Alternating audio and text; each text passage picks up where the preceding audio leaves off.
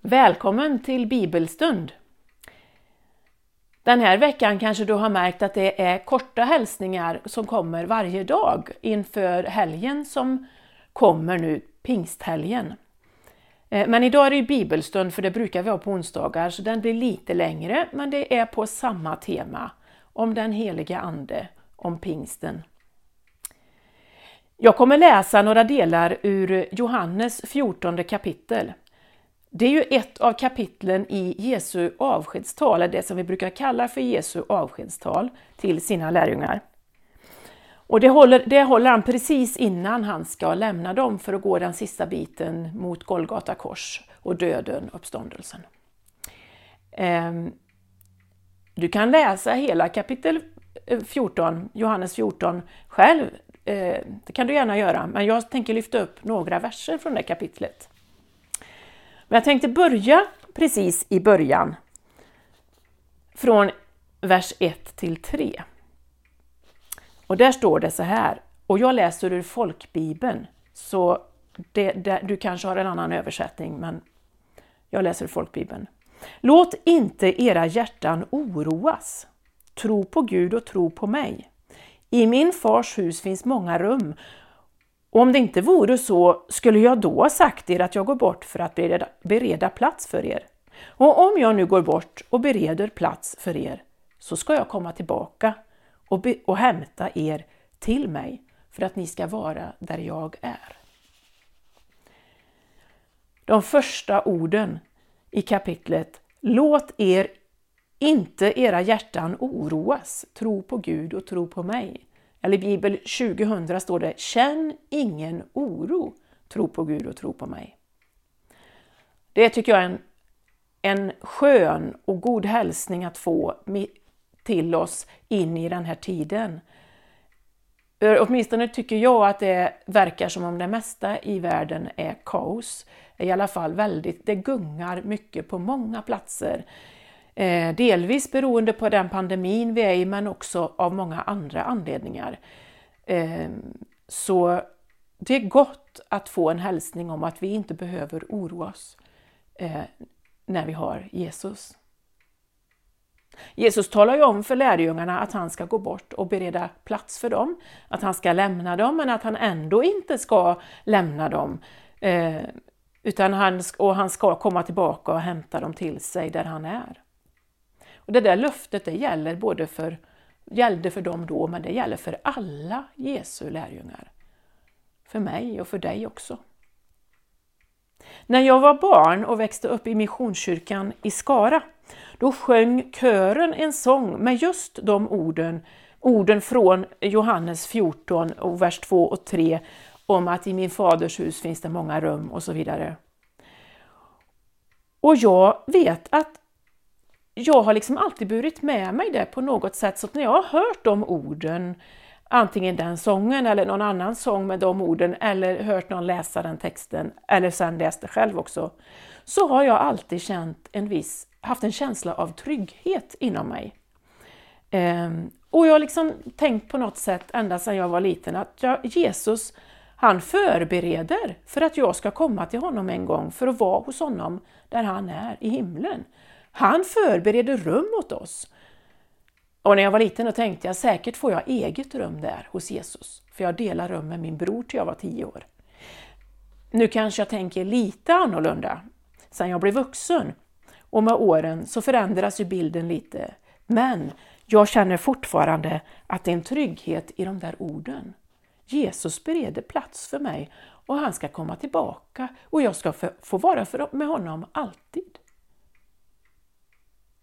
Det är trygghet. Men när lärjungarna hör Jesu ord nu så har de ju lite svårt att förstå vad han menar med att han ska lämna dem. För han ska ju både lämna dem först när han dör, men sen vet vi också att han uppstår och så träffar han dem ett tag igen och sen lämnar han dem för att komma tillbaka någon dag som vi inte riktigt vet än, som ingen vet, bara Fadern själv vet det. Ehm, så det är klart det kan vara lite, för, inte så konstigt om det var lite förvirrande för dem. Ehm, men Jesus säger till dem i vers 15 till 19 ska jag läsa nu. Om ni älskar mig håller ni fast vid mina bud och jag ska be Fadern och han ska ge er en annan hjälpare som ska vara hos er för alltid, sanningens ande. Världen kan inte ta emot honom för världen ser, inte honom, ser honom inte och känner honom inte. Ni känner honom för han förblir hos er och ska vara i er. Jag ska inte lämna er faderlösa. Jag ska komma till er.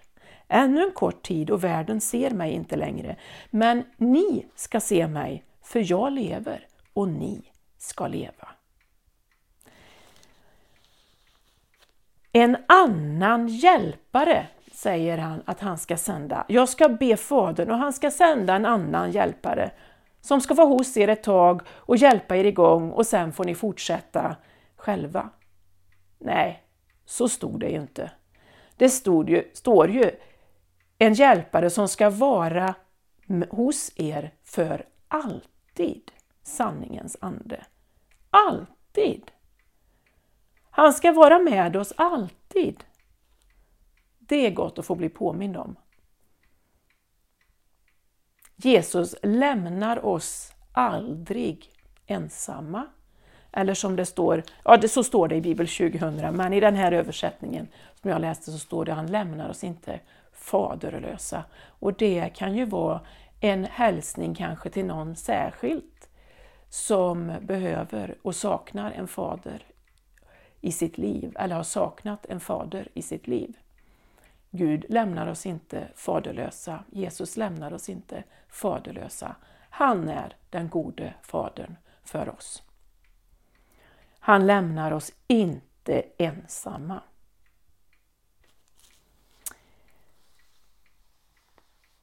När Jesu uppdrag som människa här på jorden var fullbordat, det han kom för, att dö för varje människas synd och skuld och sen uppstå för att vi skulle få möjlighet till gemenskap, kunna ha en hel relation med Gud, så återvände han ju sen till sin far i himlen.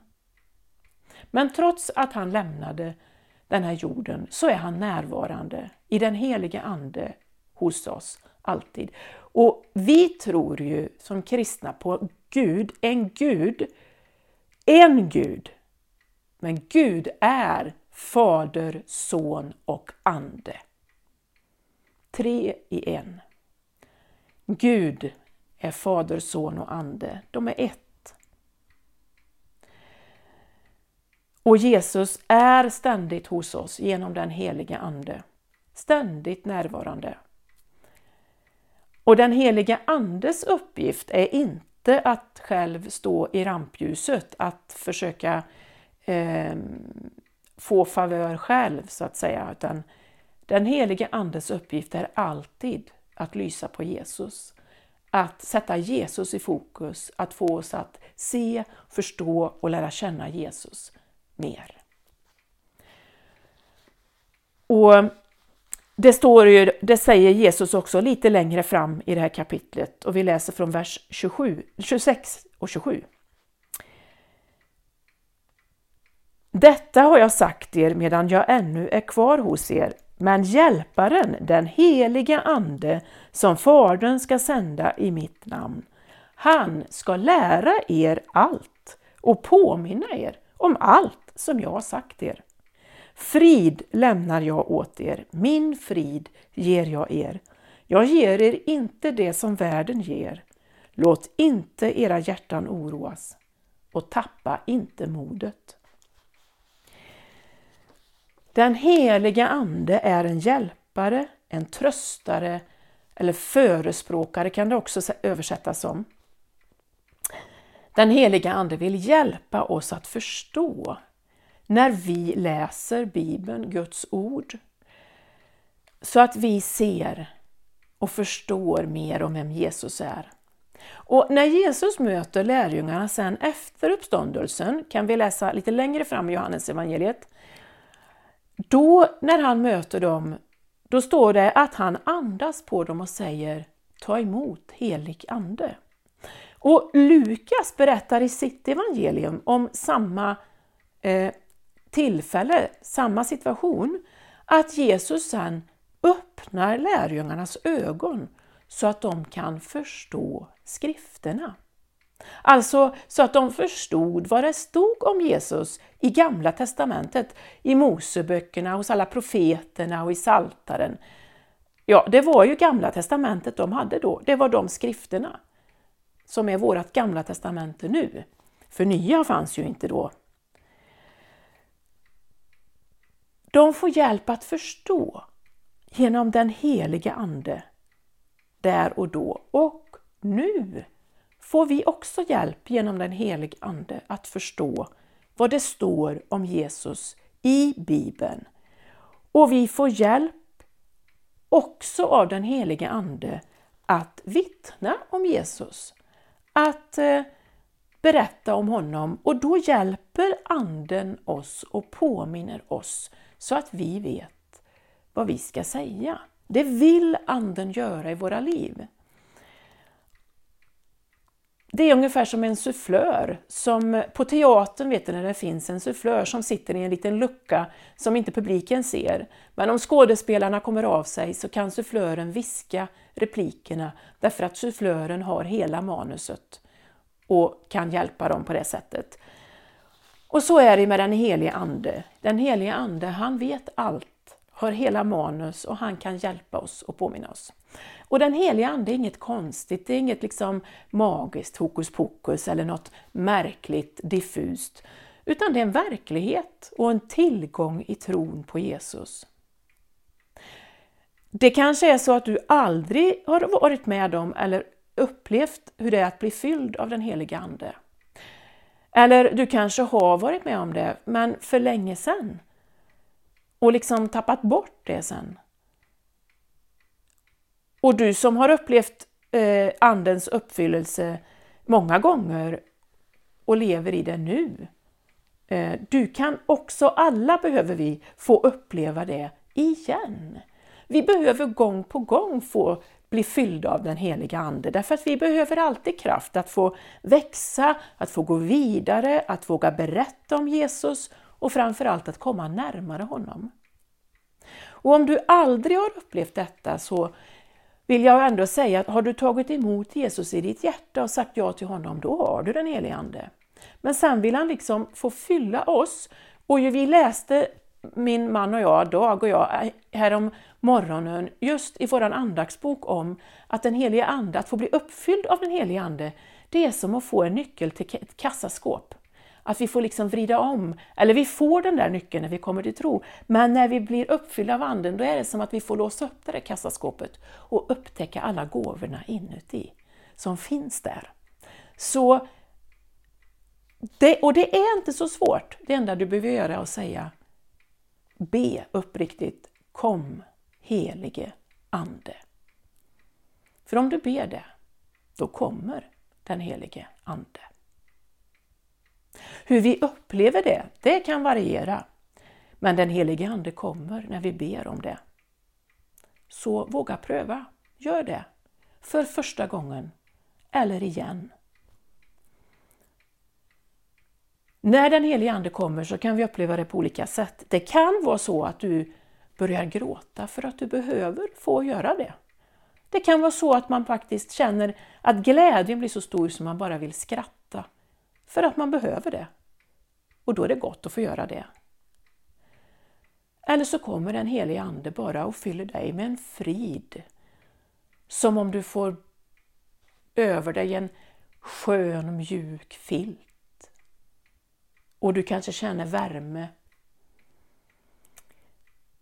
Och det kanske är oftast på det sättet som vi upplever den helige Ande, med friden och värmen men också med en glädje, en, liksom, en glädje från djupet. Att vi har alltid anledning att glädja oss hur än livet ser ut, därför att Gud är densamme, Jesus är densamme, alltid. Han förändras alltid. Och hur du än upplever det när du ber den helige Ande komma så behöver du inte vara rädd. Det är den helige Ande som rör vid dig. Jesus är hos dig. Och det är aldrig farligt. Och han kommer aldrig på något sätt som skrämmer dig. Han vill bara att du ska känna dig trygg. Och det är därför också, tänker jag, som han är så noga med att säga flera gånger, att han vill ge oss frid. Han sa det till lärjungarna då, han säger det igen, precis som i vers 27 här. Frid lämnar jag åt er, min frid ger jag er. Jag ger er inte det som världen ger. Låt inte era hjärtan oroas och tappa inte modet. Så vi avslutar precis där vi började i kapitlet. Känn ingen oro. Tro på Gud och tro på mig. Jesus är med alltid, alla dagar. Vi ber. Herre, tack för ditt ord och tack för att vi idag får påminnas om att du alltid är med oss genom den helige Ande. Tack för att vi för första gången eller på nytt igen får ta emot din helige Andes kraft och närvaro i våra liv just nu. Du som känner oss utan och innan, du vet ju vad vi behöver långt innan vi har sagt det. Vi ber också särskilt för den som är sjuk och behöver få ett vidrörande av dig till helande och läkedom just nu. Du känner och vet om det, Herre. Och vi ber också särskilt för dem som sörjer just nu. Vi ber att du ska trösta och omsluta dem. Vi vill också be, Herre, för situationen i Israel. Vi vill be, Herre, jag vill be att du som är Abrahams, Isaks och Jakobs Gud ska förbarma dig över situationen där. Förbarma dig över dem som oskyldigt får lida, över barn och unga. Och låt ditt shalom, din frid, få råda. Vi ber också för vår församling här i Götene. Ge oss kraft att hålla ut i tro och tålamod och i tacksamhet över att du har förberett något ännu bättre för oss, att det bästa ligger framför. Och vi ber att många fler ska få lära känna dig, så rusta oss med din helige Andes kraft och mycket, mycket glädje i det uppdraget. I Jesu namn. Amen. Tack för att du har varit med på den här bibelstunden. Gud välsigne dig.